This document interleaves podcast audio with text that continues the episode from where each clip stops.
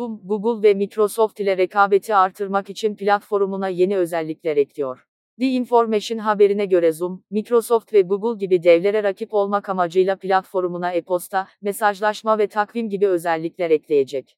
Hali hazırda Dropbox ve Asana gibi platformlarla rekabet halinde. Covid-19 salgını, Zoom'un yıldızını parlattı. Okullar, işletmeler ve sosyal etkinlikler için tercih edilen video konferans hizmetlerinden biri haline geldi. 2020 mali yılının ikinci çeyreğinde şirketin geliri 663,5 milyon dolara ulaştı.